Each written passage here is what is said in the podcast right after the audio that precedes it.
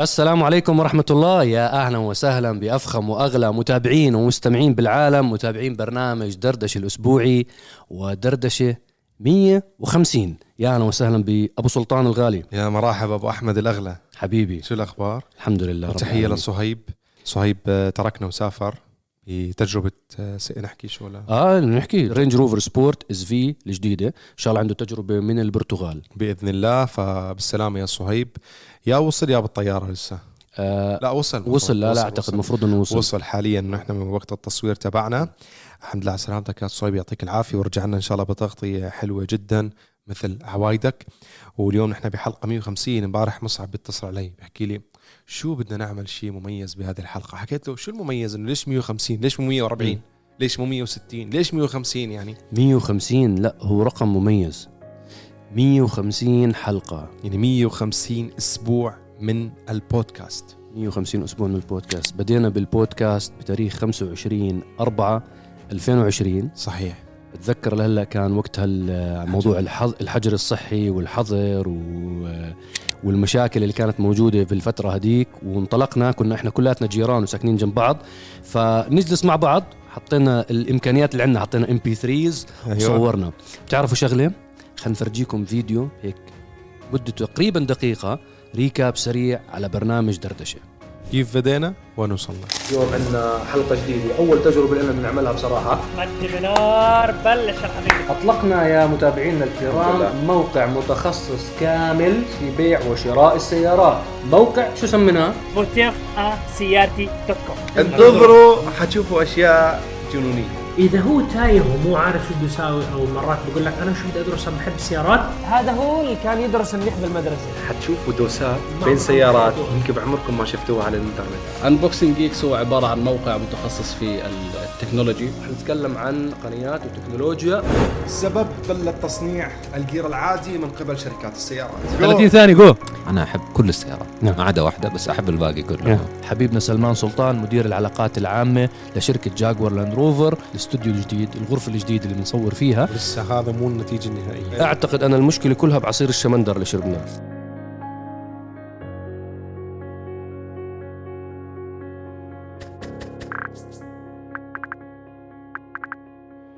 طبعا البرنامج يا جماعة حقق آه الحمد لله رب العالمين حقق نجاحات إحنا نفسنا ما كنا متوقعينها. البرنامج حقق أكثر من 14 مليون مشاهدة. طبعا اللي بتتابعونا اليوم على قناة عرب GT المنصة تأكدوا إنه عاملين subscribe فيها رجاء إحنا بدينا البرنامج على قناتنا الرسمية. عرضنا. عدد كتير كبير من الحلقات هناك بعدين نقلناه الحلقة قناة. 100 آه لحد الحلقة 100 بعدين نقلناه لقناة منفصلة. وأتمنى أنه أنتم مشتركين بالقناة المنفصلة. البرنامج حقق زي ما حكيت لكم أكثر من 14 مليون مشاهدة. حقق أكثر من 780 ألف استماعة مستمع. سمعونا على Spotify سمعونا على الجوجل سمعونا على ال Apple فالحمد لله رب العالمين آه بكل صراحة يعني برنامج نجح. أنتم حبيتوه إحنا حبينا البرنامج إنه قربنا جدا منكم أنتم. المتابعين. صارت هاي الطاولة يعني إن شاء الله صهيب آه، الله يجمعنا فيه بالخير ويرجع بالسلامة. صرتوا أنتم مكملين الطاولة تبعتنا. يعني صرنا إحنا هيك نتكلم إحنا وياكم كأنه إحنا جالسين مع بعض بجلسة أو ديوانية أو مجلس أمام بعض تماما. فإن شاء الله مستمرين في برنامج دردشة. 150 حلقة مرت بسرعة. اي والله مرت بسرعة. بس مثل ما حكيت آه، اللي حبيناه برنامج دردشة نحن كأشخاص في عرب GT كأخوانكم كأصدقائكم إنه هو قربنا منكم أكثر. يعني خلص صرنا نحن نحكي إن اللي بيتابع دردشة هذا شخص غير عادي. نعم. يعني أو بيستمع لبرنامج دردشة. قربنا منكم شخصيا. كمية السعادة اللي بتصير وقت تكون ماشي في مكان سواء كان في الإمارات ولا برا الإمارات بس نسافر يجيك أحد الأخوة المتابعين يقول لك أنا متابع دردشة. أنا من جيش دردشة. أنا من جيش دردشة. آه خلص هذا بحكي له أنت على- خط أحمر. على فكرة حتى بالتعليقات اللي بتجينا على الإنستغرام أو حتى الرسائل تاعت الإنستغرام لما يبدأ إنه مثلا السلام عليكم أنا من جيش دردشة. خلاص إنه هذا أنا بعرف إن نعرف فورا إنه إحنا. هو شو إنه مسج مهم. إنه هذا ال- هذا لا هذه طبقة هي طبقة هيك آه، إلها مكان قريب من قلوبنا. إي والله. آه، طبقة آه، إخوان حبايب قريبين جدا منا. آه، إن شاء الله يا رب هيك ما نكون ضيعنا لكم وقتهم بال 150 حلقة. إن شاء الله يا رب نكون هيك حبيتونا حبيناكم. إن شاء الله هيك 150 تعرفنا عليكم. أكثر وتكونوا استفدتوا منا وإحنا استفدنا منكم إن شاء الله. 150 ساعة. آه هو والله والله طلعوا لي الشباب كم عدد آه، دقائق المشاهدة.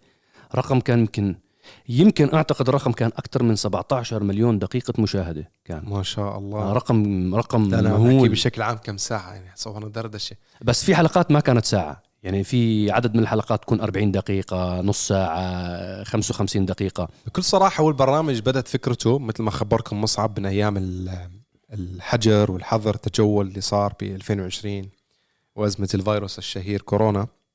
فبدأت القصة إنه إحنا كان عندنا المنتدى التفاعلي عرب GT ask.arabgt dot com ما كان عندنا. إحنا كان طلع موجود. لا. كنا حكينا بنفعل المنتدى. إحنا عملنا البرنامج بعدين حكينا بدنا ناخذ أسئلة الجمهور. كنا إحنا نختار مواضيع. بعدين حكينا بدنا ناخذ أسئلة من الجمهور. فعملناه. لا أتذكر. أنا بتذكر كان عندنا المنتدى كنا نسوق له بطريقة بس مو عن طريق البودكاست إنه هذا كان فيه أوكي أسئلة ونحن نرد عليها كنا بشكل شخصي. بعدين حكينا بنسوي البودكاست منه بننشط المنتدى وناخذ الأسئلة منه. أنا هيك بتذكر وقت كان التليفون بيني وبينك. أنا على ذاكرتي لا إنه إحنا طلعنا بالبودكاست أول كنا نختار مواضيع نحكي فيها. بعدين حكينا إنه بدنا الجمهور تشاركونا فعملنا صفحة المنتدى. طيب لنشوف الجمهور تتذكر وارجع لأول حلقة شوفوا. شوف اشكال على ما- كانت رمضان وزينة رمضان لسه آه آه أنا بتذكر صراحة إنه وقتها البودكاست هو اللي نشط المنتدى. على ما أذكر. بالدردشه رح نحكي عن أخبار؟ ونحكي على عنصر مهم جدا أطلقناه من مدة يعني من حوالي أسبوعين أو ثلاث أسابيع اللي هو منتدى عرب GT. أنا أنا ما- علي أنت هي ما- تفاصيل. المهم الفكرة صارت إنه ليش ما نعمل برنامج؟ كنا محتارين نسميه سوالف سيارات نعم. دردشة سيارات إنه كان الفكرة تبعه آه، يكون برنامج آه، لهذيك الفترة اللي هو كان إحنا مصورين محتوى بس قرب يخلص ال- المؤونة اللي كانت عندنا من المحتوى. فإحنا ما حبينا ننقطع عنكم ليش ما نسوي برنامج حو جالسين ببيتنا ونتكلم ونفيد الناس. وقت البودكاست يعني كان موجود بالعالم العربي ولكن ما كان منتشر. ما كان منتشر. كان منصات البودكاست قليلة جدا. آه، كان في أسماء قليلة في عالم البودكاست. بعالم السيارات ما بتذكر كان في بودكاست إنه منتشر. عربي ما كان فيه. ما كان فيه. فحكينا يلا بسم الله ونبدأ. والحمد لله واستمر البرنامج حبيته آه، قربنا منكم أكثر ولله الحمد. آه، صرنا نشتغل عن طريق البودكاست في كثير حلقات. أيضا صار شركات السيارات تحب هذا البرنامج اللي إحنا بنسويه. آه، يتعاونوا معنا من خلال منصات البودكاست وغير ذلك. فولله الحمد يعني الحمد لله رب العالمين حبيتوه ونحن حبيناه وقربنا منكم وقربنا وقرب قربكم منا. الحمد لله الحمد لله. آه إحنا يا جماعة زي ما بنعودكم دائما بكل أسبوع بنختار عدد من الأسئلة. طبعا المنتدى بتتذكروا أنتم في حلقة من يمكن خمس أو ست حلقات لورا إحنا حكينا لكم نطور المنتدى فإحنا شغالين على خطة في تطوير المنتدى خرافية راح تكون إن شاء الله شيء AI و system إن شاء الله راح يكون جدا جدا مميز بإذن الله. آه وراح ينقل ال- المنتدى لمرحلة تانية. إنه في جروبات وتفاعل وتقدروا تعملوا upload لمحتوى أنتم نفسكم. يعني عم نشتغل على شغله إن شاء الله هيك ترقى بالمحتوى العربي وترقى بهاي المنصة. آه زي ما بنعودكم دائما الأسبوع هذا اخترنا عدد من الأسئلة ولكن قبل ما نبدأ بالأسئلة بدنا نذكر أنفسنا ونذكركم أنتم إخواننا حبايبنا جيش دردشة متابعين عرب جي تي من كل مكان. بالدعاء لإخواننا المظلومين المكلومين في كل مكان. ونخصهم إخواننا المظلومين في غزة العزة غزة الحبيبة. بدنا ندعي لهم إحنا اللي بتاب- بتابعونا أو بتسمعونا في يوم الجمعة ساعة مباركة ويوم مبارك. بدنا نوجه هيك قلوبنا نرفع إيدينا للسماء ندعي لهم آه، بالثبات ندعي لهم بالتمكين إن شاء الله ندعي لهم بالنصر وبالعزة وندعي على عدوهم على ظالمهم. آه إن شاء الله يا رب هيك نسمع أخبار طيبة خلال الأيام والأسابيع القادمة بإذن الله. اخترت عدد من الأسئلة للأسبوع هذا. آه هذا السؤال بصراحة كان موجود من الحلقة الماضية ولكن شفتوا عصير الشمندر شو عمل الحلقة الماضية فما قدرنا نجاوبه ما وصلنا يعني أخذ الوقت. فخلينا نبدأ فيه. التقنيات الحديثة بالسيارات يعطيكم العافية ما السبب اللي يخلي الشركات تجمع كل شيء موجود تحكم بالسيارة في شاشة واحدة؟ مثل الفولفو اي إكس 30 والتخلي عن الأزرار الميكانيكية أو الشاشات الثانية. يعني مثلا في حال عطل هاي الشاشة المستخدم, المستخدم راح يتأثر كثير ومن الممكن ما يقدر يقود السيارة بشكل طبيعي. أما في حال وجود أو شاشات تانية. السائق ما راح يتأثر كثير وراح يكون قادر على قيادة السيارة بشكل طبيعي. شكرا لكم. أفضل صانعي محتوى سيارات بالعالم. متابعكم أغيد من سوريا. الله محييك أخوي أغيد والله محييك وتحياتنا لك ولمتابعينا في سوريا الحبيبة. آه شكرا على سؤالك. طبعا هو سأل عن الفولفو إي إكس 30 أنا نزلت تجربة لإلي مع الفولفو إي إكس 30 أصغر سيارة من فولفو بنفس الوقت أسرع سيارة من فولفو. اللي ما حضر الحلقة الحلقة موجودة في قناتنا الرسمية. تفرج عليها شوف التقنيات الحديثه الفولفو عم بتضيفها بسياراتها. موضوع الشاشات كريم إنه هلأ موضة شركات السيارات بتعمل لك شاشة واحدة وبتحط كل الأزرار فيها بالضبط. التكييف ال ال- تكلمنا عن هذا الموضوع بشكل كبير آه، مصعب بمعظم الحلقات اللي أنا بقدمها. بحكي لكم كل شيء في الشاشة. آه، وكنت أنتقد هذا الشيء من نفس الموضوع اللي حكى عنه الأخ اغيد إنه افرض يا أخي صار عندك عطل في الشاشة كيف أنا أتحكم؟ ولكن صرنا نلاحظ إنه شركات السيارات الشيء الأساسي مثل زر تشغيل المكيف صاروا يحطوه بشكل خارجي تشغيل وليس التحكم بإعداداته التفصيلية. إذا لاحظت. في شركات في شركات. في شركات صارت تعمل هذا الشيء. ال gearbox يحطوه منفصل. انسوا تسلا تسلا حتى ال gearbox اللي هيك صار بال touch ترفع للأمام تنزل. أنا ما ضد هذا الشيء. بس ليش الشركات صارت تسويه؟ لعدة أسباب. أول شيء الموضة بعالم تصميم السيارات يعني مثل هو الملابس. كل فترة في موضة معينة. كل فترة في سنوات بتكون مثلا كيف مثلا هالفترة مثلا الألوان هذه الفاتحة هي الموضة. أو مثلا ديكور البيت هالفترة هي الألوان البسيطة والطريقة البسيطة بالتصاميم. أول كان في الزخارف الزخارف. زخارف وذهبية ذهبي ونقوشات عليها وحفر. ونقوشات وحفر. كان هذه تعبر عن الفخامة. الآن الفخامة صارت بالبساطة. تمام؟ والتقليل. قبل أكثر من عشر سنوات كانت فخامة السيارات في كثرة الأزرار وحاطين لك هيك طريقة سماعة الهاتف والأزرار الكثيرة والخشب القوي الظاهر أمامك لونه بني مثلا. عارف كيف؟ مثل أيام ال- ال S-Class البي ام اللكزس LS البورش باناميرا لما طلع كله أزرار هيك طلع شو هذا؟ كانت الفخامة في الأزرار. وأنا من عشاقها. أنت من عشاق الأزرار. يعني حلوة فكرتها كانت. بس انت انت من نحكي يعني من وقتها يعني كنت أوكي. أنا من عشاق هذه الفكرة عرفت كيف؟ إنه أنا عندي كثير كثير option كانت تدل إنه شوف أنا قديش عندي option. بسيارتي. ومواصفات. عرفتوا كيف؟ الآن فكرة التصميم وال style والموضة والدارج في عالم تصميم السيارات هو البساطة simplicity عرفت كيف؟ وتكلمت عن هذا الموضوع مثلا في حلقة الرانج روفر بشكل مفصل وتكلم عنه مصعب بأكثر من حلقة. صارت الفخامة إن إحنا نبسط التصميم. ما يكون في خطوط حادة جدا خطوط ناعمة انسيابية. تحس إنه السيارة اللي أمامك أنيقة ولكن جمال طبيعي بدون تنفيخ بدون إضافات. عرفتوا كيف؟ أيضا من الداخل صارت اخفي الأزرار قدر الإمكان اجمعهم في شاشة خلي الناس تشوف خشب طبيعي لونه جميل أو الومنيوم أو بيانو بلاك. تخلي عينك ما تتعب من كثر الأزرار وتخلي الناس تشوف بساطة التصميم والفخامة. نفس هذه الطاولة ال plain ما فيها لا نقوشات ولا أي شيء. هذا هي الموضة. من ناحية أيضا الشاشة علميا أو مش بس علميا أنتوا تذكر الآن التليفونات هذه صارت تعمل باللمس ال touch. قارنها أيام زمان في البلاك بيري أيام كان عندك وال- وال- كل الموبايلات أو كانت. أزرار. أو نعم. أو الماوس إنك تحرك فوق فوق فوق. تخيل أيام تكتب message كنت أنت تضغط رقم واحد ثلاث مرات عشان تكتب حرف التاء.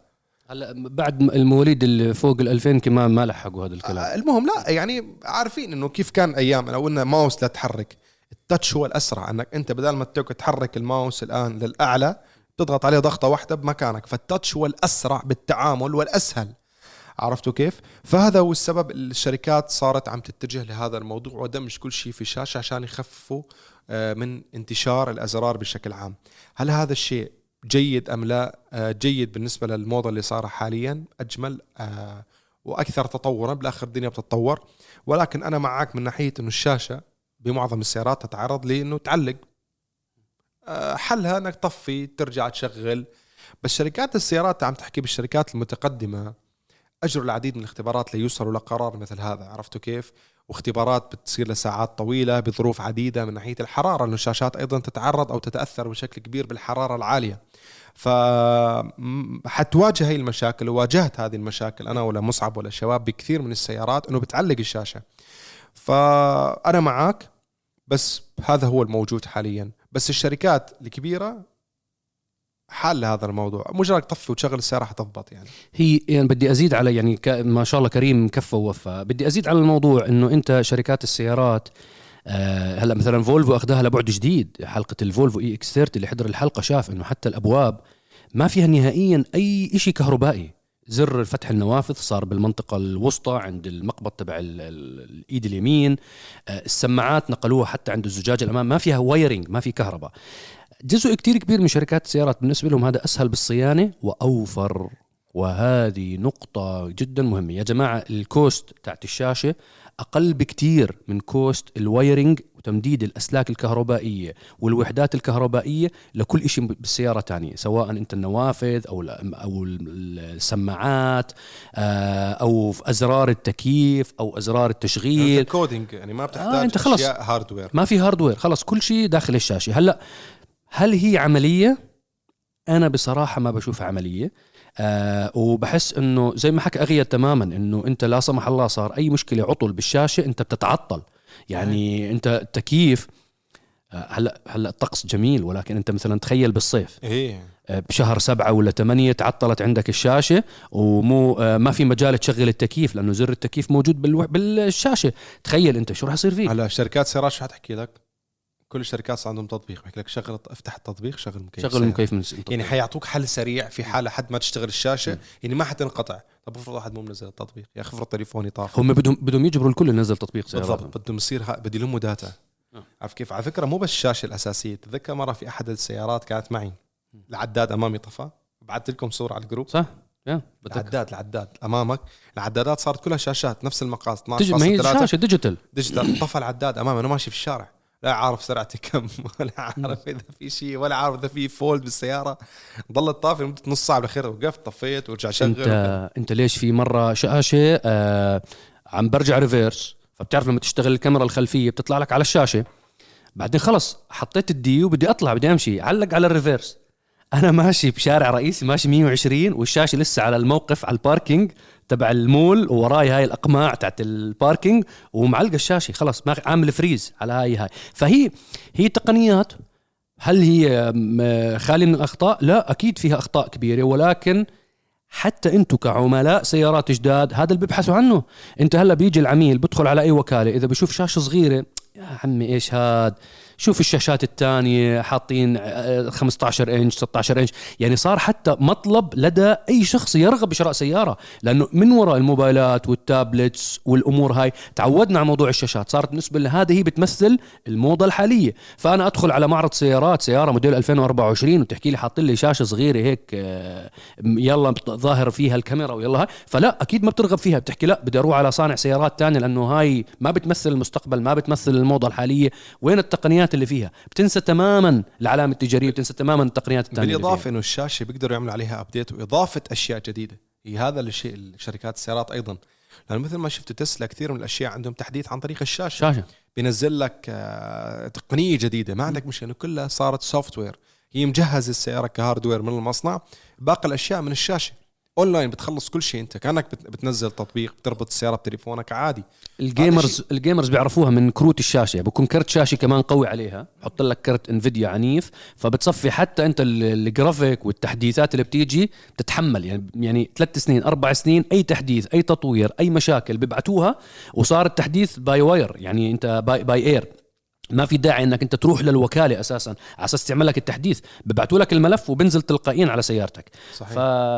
فيعني هذا هو هذا هو هو السبب. سلاح ذو حدين يعني. في أنا معك أخوي اغد بموضوع إنه هذا الشيء ممكن يسبب أزمة إنك أنت تتعطل الشاشة وتعنق.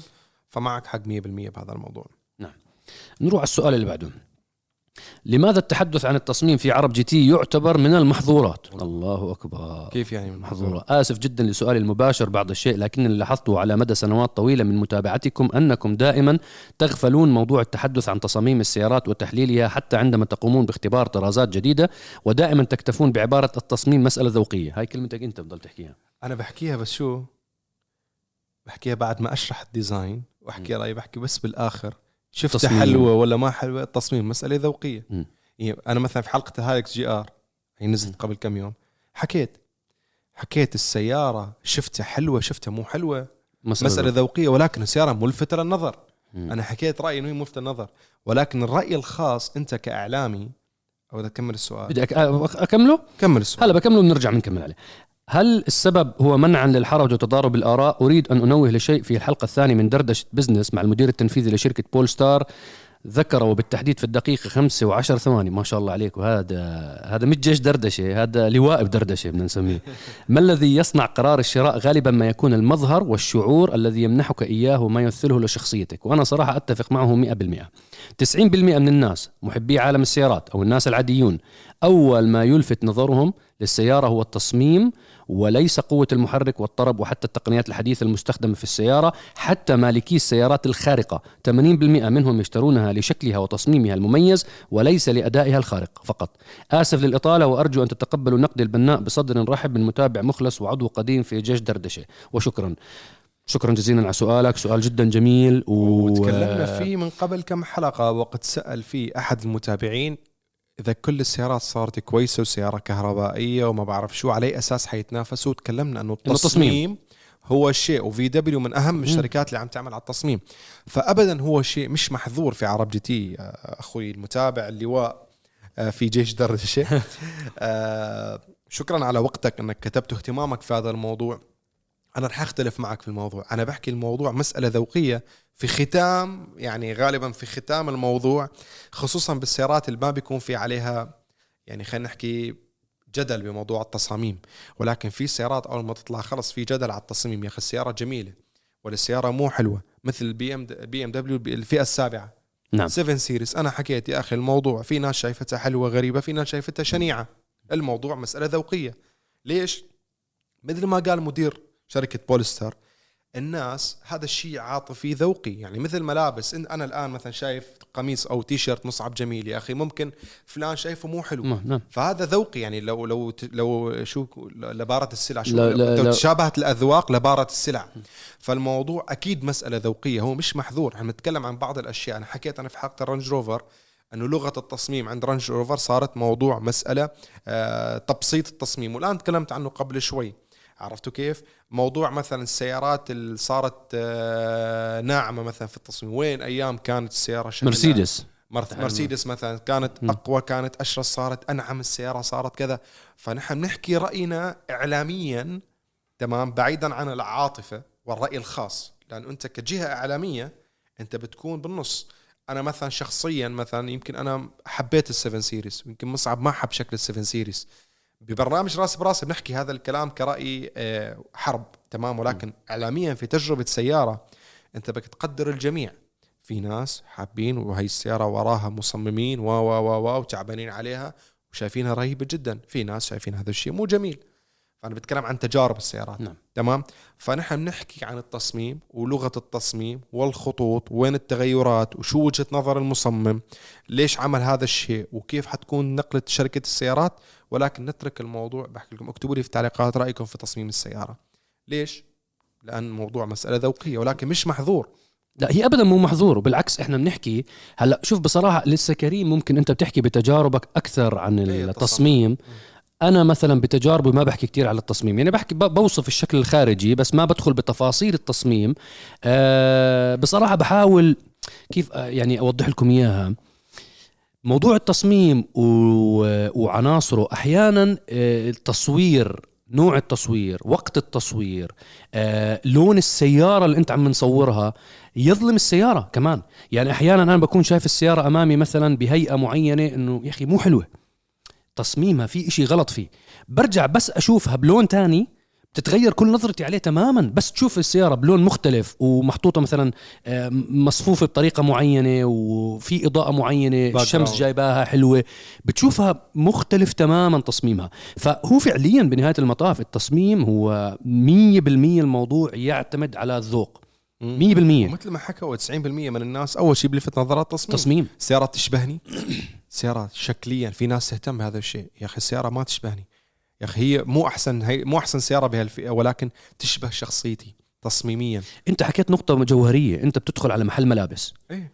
تفرج على أي محل ملابس ادخل عليه بتلاقي الألوان والأشكال والأمور. بتحصل مثلا أنت كل شخص بدخل على المحل بيروح على قسم وبياخذ شغلة يقيسها على ذوقه. أنا وأنت. أو أنا يعني أنا وصهيب ضدك أنت بهذا الموضوع. شوف فرق بأذواقنا نعم. مثلا. إيه؟ أنا أنا مثلا هم دائما هو وصهيب بيضحكوا علي أنا مثلا جريء بالألوان. يعني عادي أدخل أشتري مثلا آه، تي شيرت برتقالي. أحكي لهم آه عندي بر- برتقالي بلبسه على بنطلون آه، أخضر. بني مثلا. حلو. أنا بالنسبة لي شايفه حلو.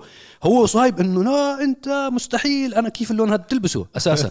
يعني مثلا كريم روح أنت روحك الألوان الاسود أبيض. أبيض ورمادي. يعني هدول ألوان ال basic. هدول ال basic بس أنا بنجن منه إنه يا أخي شكل غير لون آه إلبس إشي آه أصفر إلبس إشي أحمر إلبس إشي آه مشمشي إلبس إشي تركواز. أنا مع الألوان.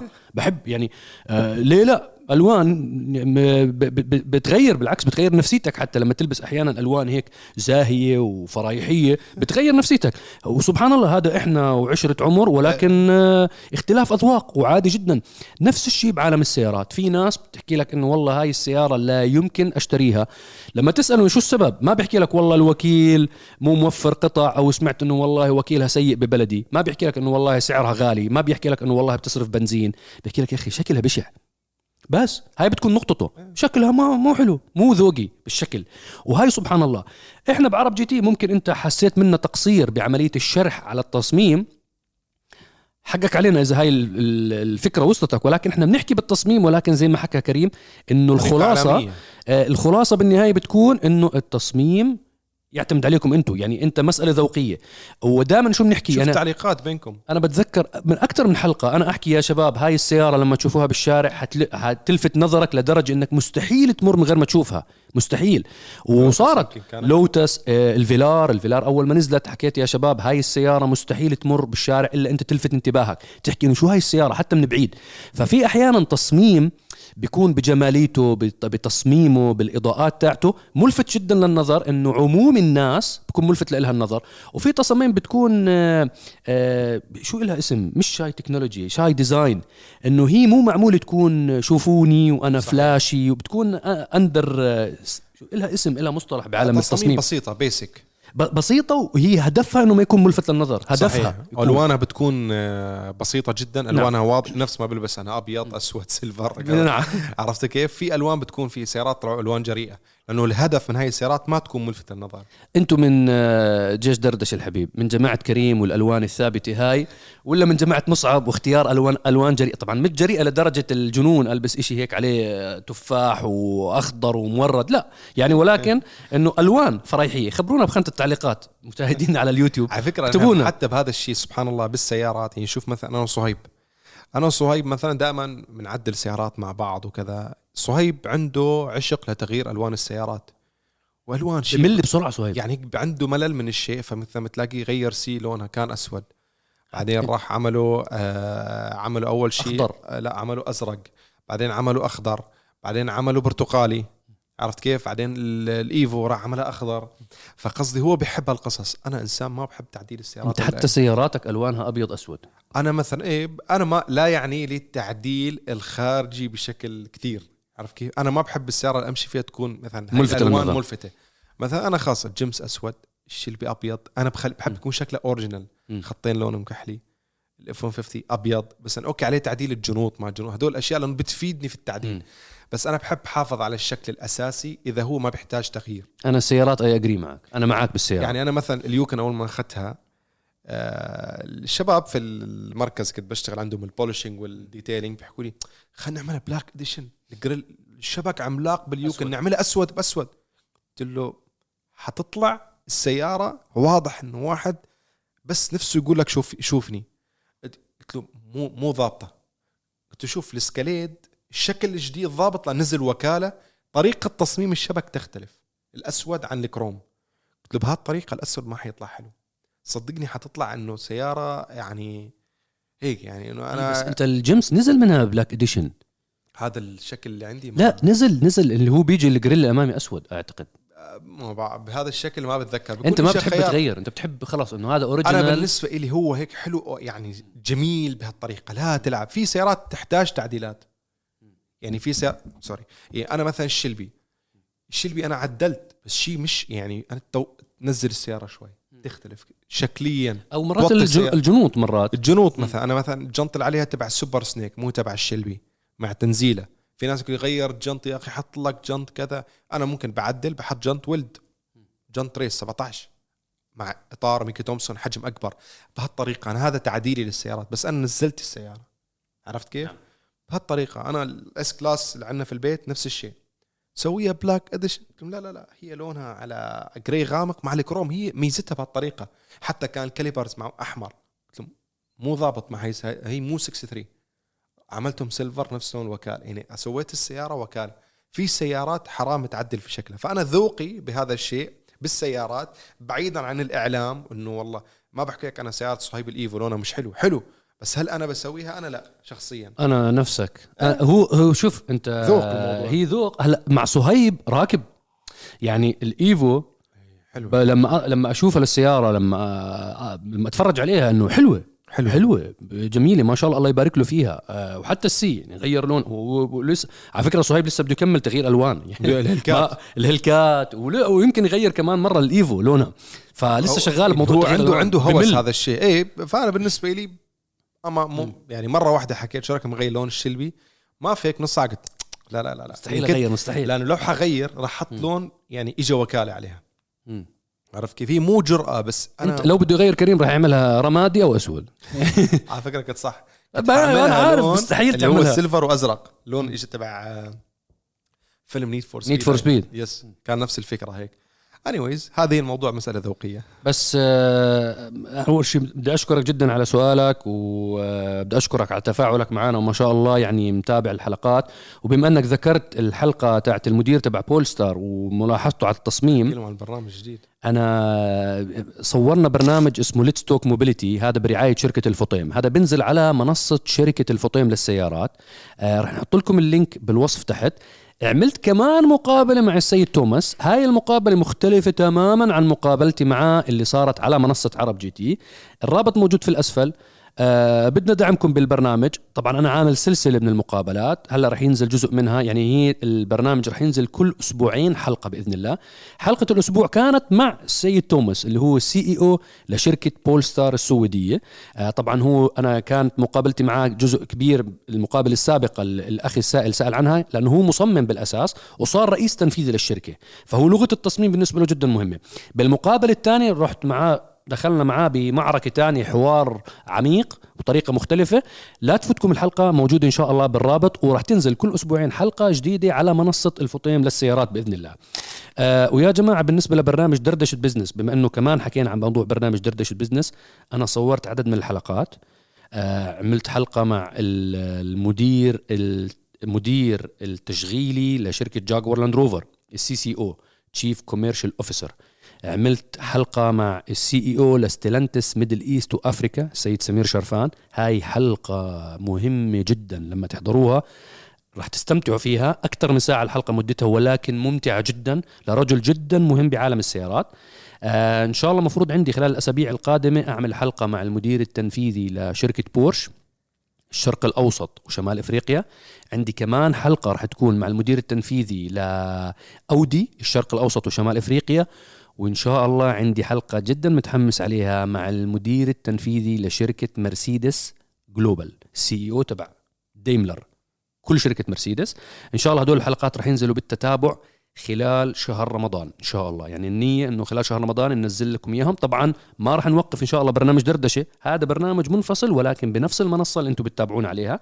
آه برنامج دردشة بزنس وحتى برنامج دردشة بدنا مساعدتكم بشغلة جدا مهمة يا شباب. إحنا بصراحة كنا بديش أحكي كسولين فيها وأهملناها فترة ولكن هلأ استوعبنا إنه إلها أهمية كتير كبيرة وبدنا دعمكم أنتم فيها اللي هو صفحتنا على اللينكد ان عندنا صفحة على لينكدين عملناها من حوالي يمكن سبع سنين أو ثمان سنين. بصراحة عملناها كنا نشيطين عليها أول ثلاث أربع شهور بعدين نسيناها أهملناها. اللينكدين نوعا ما كمنصة social media آه كانت بالنسبة لنا ما كانت من الأولويات في المراحل السابقة بعرب جي تي. هلأ صارت أولوية قصوى بالنسبة لنا. بدنا دعمكم كمان بالأسفل في رابط لحساب عرب جي تي على LinkedIn يوميا بينزل عندنا post. هذا البوست له علاقة بتغطياتنا له علاقة بأخبار. عم نعمل تقارير خاصة بس تنزل على LinkedIn بس LinkedIn رح تنزل. يعني ما ح... يعني ها نوع محتوى معين ما بي... ما بيزبط إنه ينزل على انستغرام ما بيزبط ينزل على على فيسبوك طريقة أو يوتيوب رسميه أكثر LinkedIn. طريقة رسمية ومختلف. فبدنا دعمكم. حسابنا على LinkedIn صفحتنا على LinkedIn بصراحة لا تمثل حجم عرب جي تي ولا تمثل حتى حساباتنا الشخصية لهنا. حتى حساباتنا الشخصية ضعيفة. أنا بدي أكون شوي حبتين طماع معاكم. يعني إذا أنتم كريمين معنا زيادة بتعملوا لنا follow على حساب عرب جي تي. ومن عرب جي تي راح تشوفوا كل ال coworkers بتشوفوا كل الموظفين إن شاء الله في منهم موظفين نشيطين على LinkedIn وفي منهم جايبين آه، مش سائلين بال LinkedIn نهائيا ولكن إحنا هلأ حاليا بنحاول ننشط ال LinkedIn عندنا بدنا دعمكم الحساب تبعنا يمكن عليه 1500 أو 1600 متابع فقط حرام اسم عرب جي تي وعدد 14 مليون 14 ونص مليون متابع و follower وقارئ لعرب جي تي إنه يكون هذا العدد تبع ال followers تبعونا على ال LinkedIn التقصير من عندنا بدنا همتكم بدنا دعمكم على صفحتنا على ال LinkedIn كمان سؤال جديد السلام عليكم ورحمة الله تحية لمصعب وصهيب وكريم عن حلقة ال BMW iX5 هل من الممكن أن تختفي محطات الهيدروجين في المستقبل البعيد ويتحول الشحن ليكون من المنزل كما هو الحال مع السيارات الكهربائية. السؤال الثاني ما هي المشاكل المتوقعة في محركات الهيدروجين مع استخدام السيارة ومرور الوقت؟ والسؤال الثالث والأخير هل تعتقدون أن شركة BMW ستكون الرائدة في هذه المحركات كما هو الحال بين تسلا والكهرباء؟ أعتذر عن الإطالة وتحية لأبو سلطان وبارك الله في أولادكم جميعا. الله يبارك تسلم. فيك ويكرمك ويسعدك. وثلاث أسئلة بصراحة جميلين جدا. إي والله. كريم هلأ انت جربت الهيدروجين أكثر بصراحة كان من وجهة نظري بشكل مختصر بعدين اترك لك ال- ال- المايك. أنا أنا حاب أسمع منك. هلا. ثلاث أسئلة ثلاث أسئلة تمام. كتب مترابطين مع بعض. اختفاء المحطات والتحول هذا الشيء للمنازل هذا الشيء مرفوض. ليش؟ لأن كثير من الناس مش دائما هو متواجد في منطقة منزله. فهل أنا مضطر إنه كل ما بدي أعبي أو أشحن كهرباء أرجع للبيت؟ يا أخي طب افرض أنا رايح من أنا عندي شغل أسبوع في أبو ظبي. فطلعت من دبي أخذت لي فندق أبو ظبي وقعدت هناك. هل أنا كل ما بدي أعبي أو أشحن كهرباء أرجع بيتي عشان أشحن؟ لا. لا لا أنت هي هو سؤاله إنه رح تنتقل تصير الم... ال... كيف أنت بتعبيها؟ كيف الكهرباء بالبيت؟ بالضبط بالضبط أنا فاهم عليك. الهيدروجين حكينا لا ت- لا تقارن في الكهرباء في موضوع طريقة الشحن. الكهرباء موجودة في بيتك أصلا تمديدات كهربائية ولكن هل في بيتك أصلا تمديدات هيدروجين؟ لا. هل مستوى السلامة أو الاحتياطات اللي بتحتاجها بتمديد الكهرباء هو نفس تبع الهيدروجين؟ لا. هل تكلفة إيصال الكهرباء لبيتك هي نفس تكلفة إيصال الهيدروجين لبيتك؟ لا. الهيدروجين حكينا بأكثر من حلقة تكلفة نقله غالية طريقة حفظه غالية مو سهلة بيحتاج ظروف معينة. أما الكهرباء هيك هيك واصلة لبيتك فأسهل شيء أنك تاخذ خط من ساعة الكهرباء تبع بيتك وتركب شاحن وتشحن سيارتك. فإيصال هيدروجين لبيتك هذا الشيء أنا بشوفه حاليا أكثر من مستحيل مش بس مستحيل. ويتوصل في يكون عندك خزان هيدروجين جنب البيت. صعب جدا هذا الشيء. تمام؟ آه وحتى للسلامة للسلامة بشكل عام مو سهل الموضوع. أما الكهرباء خلص الكهرباء already في system موجود و system safety لحاله. إذا صار أي مشكلة أو ضغط أو حرارة بيفصل الموضوع خلص أنا بضلني أرفع لك ال... يا بترفع يا بتنزل. خلاص المهم فأنا بشوف أول شق من السؤال فهو مستحيل. من نترك مصعب بعدين أنت أقول رأيك في هذا الموضوع. تمام. الموضوع الثاني ما هي المشاكل المتوقعة في محركات الهيدروجين مع استخدام السيارة مع مرور الوقت؟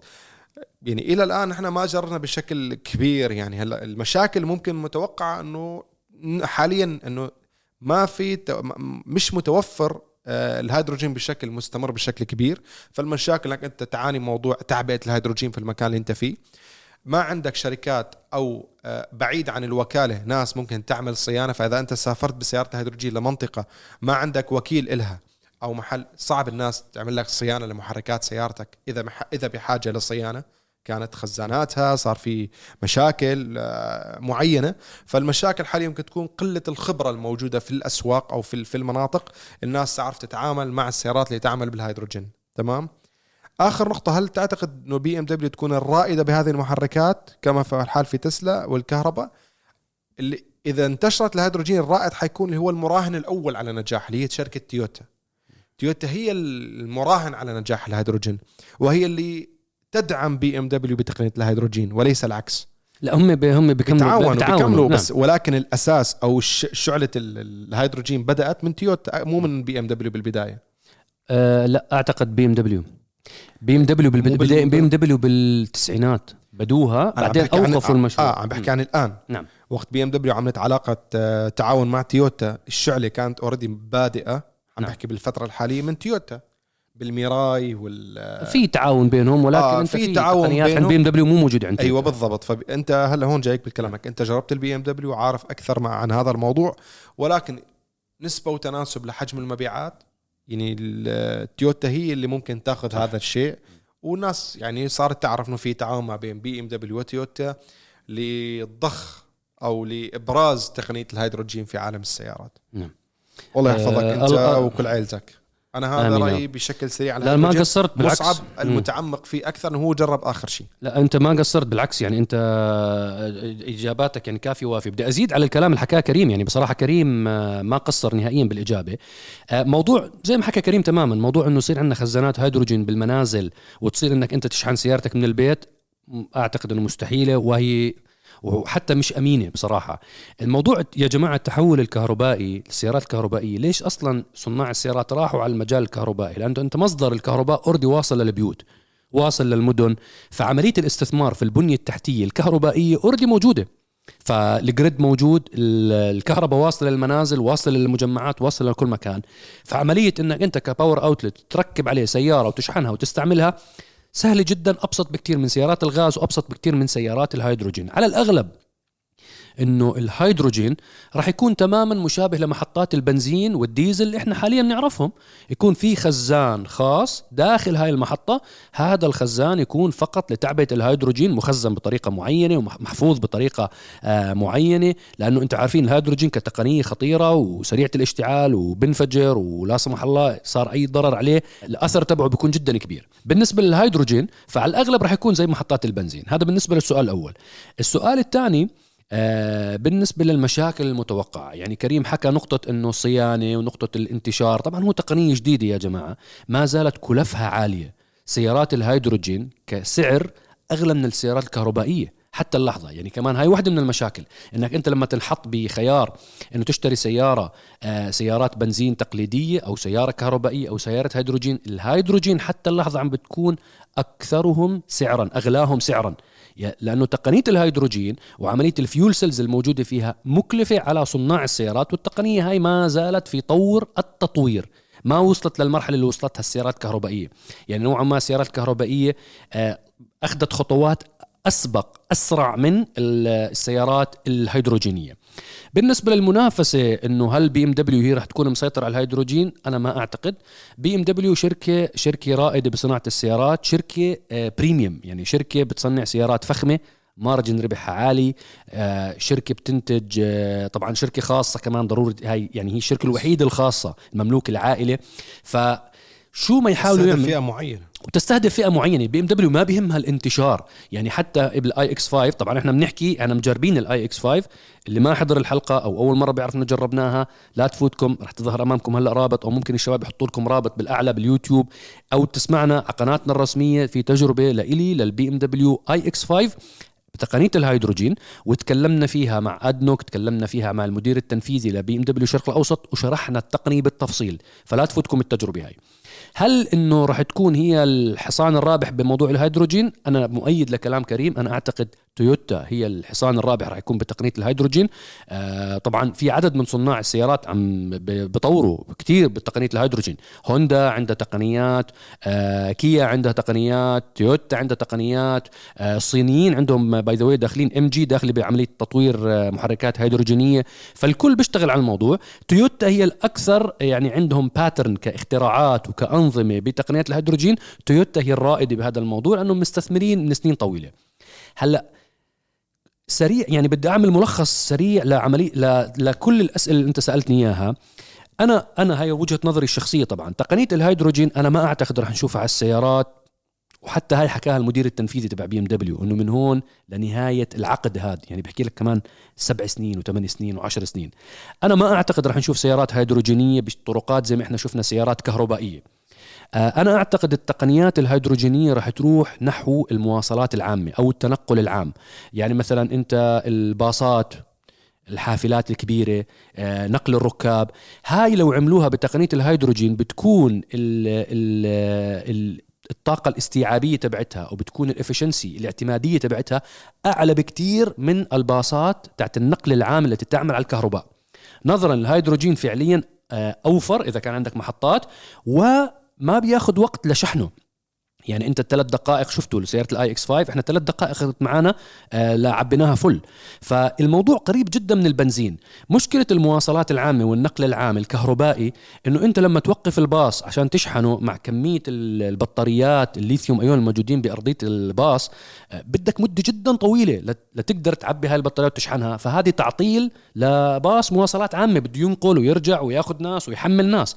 فأعتقد الهيدروجين بالتقنيات هاي وهذا اللي بتشتغل عليه فكرة آه، دولة الإمارات هذا اللي بتشتغل معاه آه، عمان المملكة العربية السعودية هون هم رايحين. يعني هاي محطات الهيدروجين اللي عم نسمع عنها والاستثمارات اللي عم بتقوم فيها شركات مثل أدنوك وإينوك وغيرها وأرامكو هم مو مو هدفهم السيارات للأفراد. ممكن في ناس تشتري سيارة وما عندهم مشكلة بالموضوع هذا بتشحنها وبتعملها.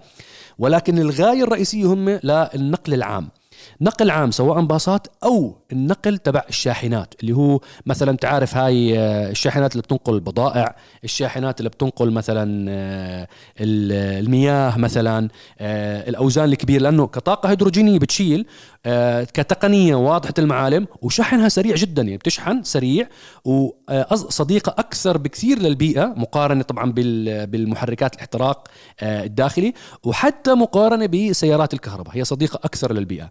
فهذا أنا أعتقد كتطبيقات قادمة في المستقبل القريب خلال الخمس سنين أو ست سنين القادمة اللي أنا أتمنى نشهدها اللي هي باصات هيدروجينية حافلات هيدروجينية شاحنات هيدروجينية آه تكاسي. تك... ممكن تكاسي هيدروجينية كمان ممكن. ولكن أنت مشكلة التاكسي الكلفة. يعني سعر السيارة رح تصير غالي على لا لا عم عم بسألك يعني عم عم رح يصير سعر السيارة غالي. يعني أنت حط المراي كسعر. يعني المراي أنا ذاكرتي كانت أعتقد 68 ألف دولار سعرها. فحطها قبال الكامري فبيطلع إيه. آه حط hybrid تاع كامري hybrid بيطلع السعر جدا عالي على اذا قارنا بين الاثنين فأنا هيك أعتقد يعني هيك وجهة نظري. آه تقنية جميلة. إحنا يعني تحدثنا عنها بالتفصيل بالاي إكس 5 اللي حابب يتعمق فيها ويسمعها أكثر موجودة على تجربتي للبي إم دبليو اي إكس 5 آه آه، أعتقد هيك إحنا بكفي أخذنا عدد من الأسئلة. ناخذ جولة على الحلقات الحلقات اللي نزلت بالضبط. الأسبوع الماضي نزلت عدد من الحلقات المهمة. كانت في حلقة تكلمت عنها أنت تويوتا هايلكس الجي آر وتكلمت شو الفرق بين جي آر وجي آر سبورت كهذا خلينا الجناح أو ال- الذراع الرياضي لشركة تويوتا. وأيضا حلو شكله والله الهايلوكس. اي من الأمام هيك يعني حكي ملفت للنظر. ملفت للنظر. ملفت للنظر بعيدا عن التقنيات التطور آه، هو بيك اب عادي.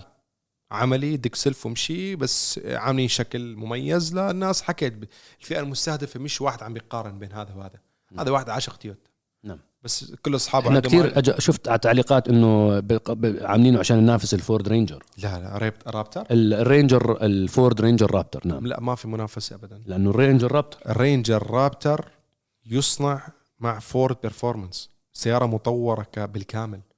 الشاصي معدل أنظمة تعليق محرك معدل.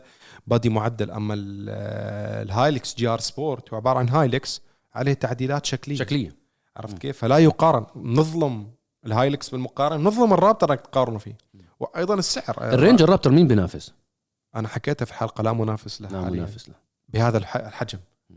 يعني اف 150 رابتر okay نحكي نحن الرينجر رابتر بهذا الحجم ما له منافس حالياً. حتى الرينج حتى الرابتر يعني هلأ الرام اعلنوا تي ار إكس إنه خلص خلص. فالرابتر فهلا حيكون الرابتر منفرد بالساحة منفرد. حتى الفورد بالموستنج منفردة بالساحة فورد حكينا أكثر من حلقة عقليته مختلفة عن باقي الأمريكان فبحلقة إن شاء الله تكون عجبتكم أنا قبل ما نختم في حلقه في حلقة كمان نزلت الأسبوع الماضي لتجربتي أنا وزوجتي سوزان لللينكن نوتيلوس بدي أشكر صحيح. كل الشباب اللي أعطونا تعليقات إيجابية أنا بتجربتي مع سوزان بصراحة بحاول أنقل وجهة نظر عائلية للسيارة.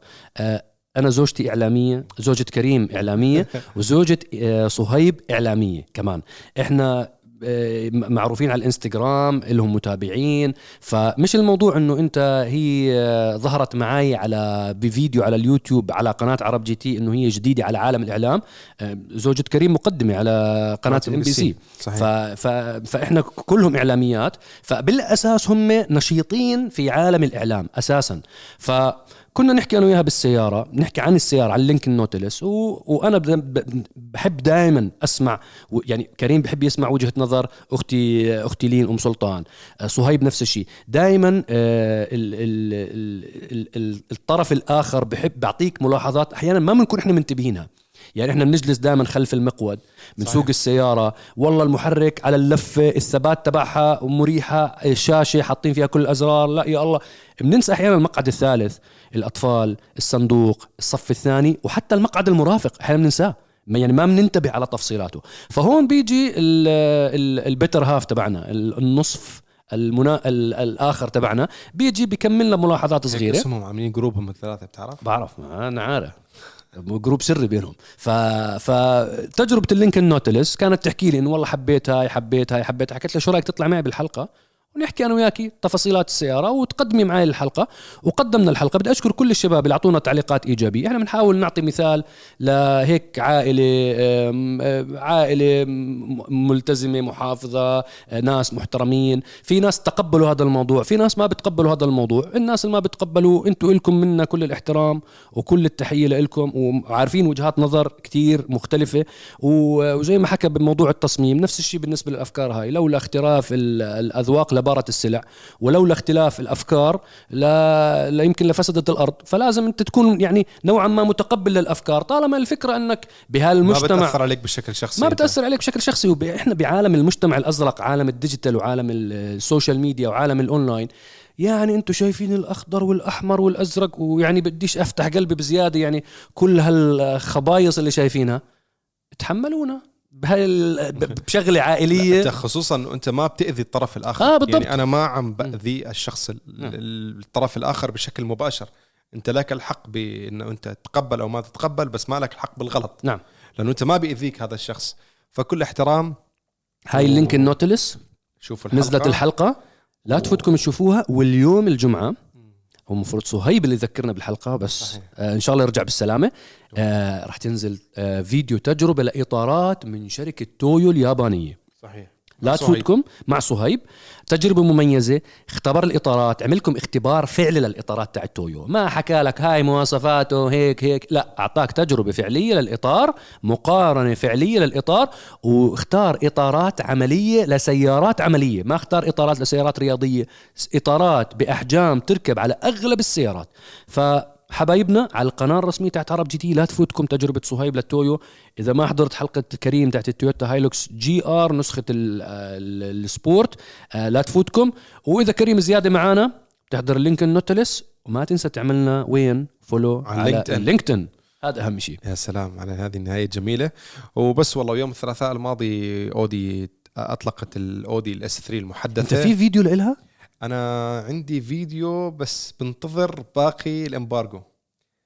لأنه أنا ال embargo أنا الحلقة عاملها كيف؟ نصين. آه كلهم. واحدة بحكي عن الشكل الخارجي والداخلي. فبتكون السيارة مش camouflaged. يعني السيارة بلونها الأساسي. أنا نعم. السيارة اللي شفت الصورة على م- الانستغرام سيارة مموهة. مغطية بألوان مموهة هاي اللي سقناها مم. سيارة مموهة والكلام أنا عامله سيارة مش مموهة فبيحكوا لك نحن ما بت... ما بنقدر نعطيك التصوير نعم. تبع السيارة مش مموهة فأنا كيف حطلع بس أنا وبسوق الفيديو فقلت لا خلاص بنتظر يطلعوا السيارة نعمل official حق. ال A 3 وال S 3 وبعدين إن شاء الله خير ان شاء الله ان شاء الله إن بس شاء الله. والله هذه كانت حلقه بودكاست 150 وحلقه دردشه ان شاء الله نلقاكم قريبا ان شاء الله نعمل لكم حلقه مميزه على بودكاست 200 ان شاء الله هيك أيوة. الله يعطينا طولة العمر ان شاء الله يا رب جيب كيك ان شاء الله حط عليه بودكاست هلا في عنا ان شاء الله قربنا على المليونين على الانستغرام قربنا على المليار مشاهده على اليوتيوب و... باقي لنا 200 ألف أو شوي بنوصل 4 مليون على اليوتيوب. وعلى اليوتيوب كمان. يلا يا رب يا ميسر. وإن شاء الله اللينكدين هيك نوصل مئة ألف. إن شاء إن الله شاء الله يا رب همتكم شكرا لمتابعتكم. ونحو شعارنا الدائم للعالميه باسم العرب مع عرب جي تي. سلام. سلام. عليكم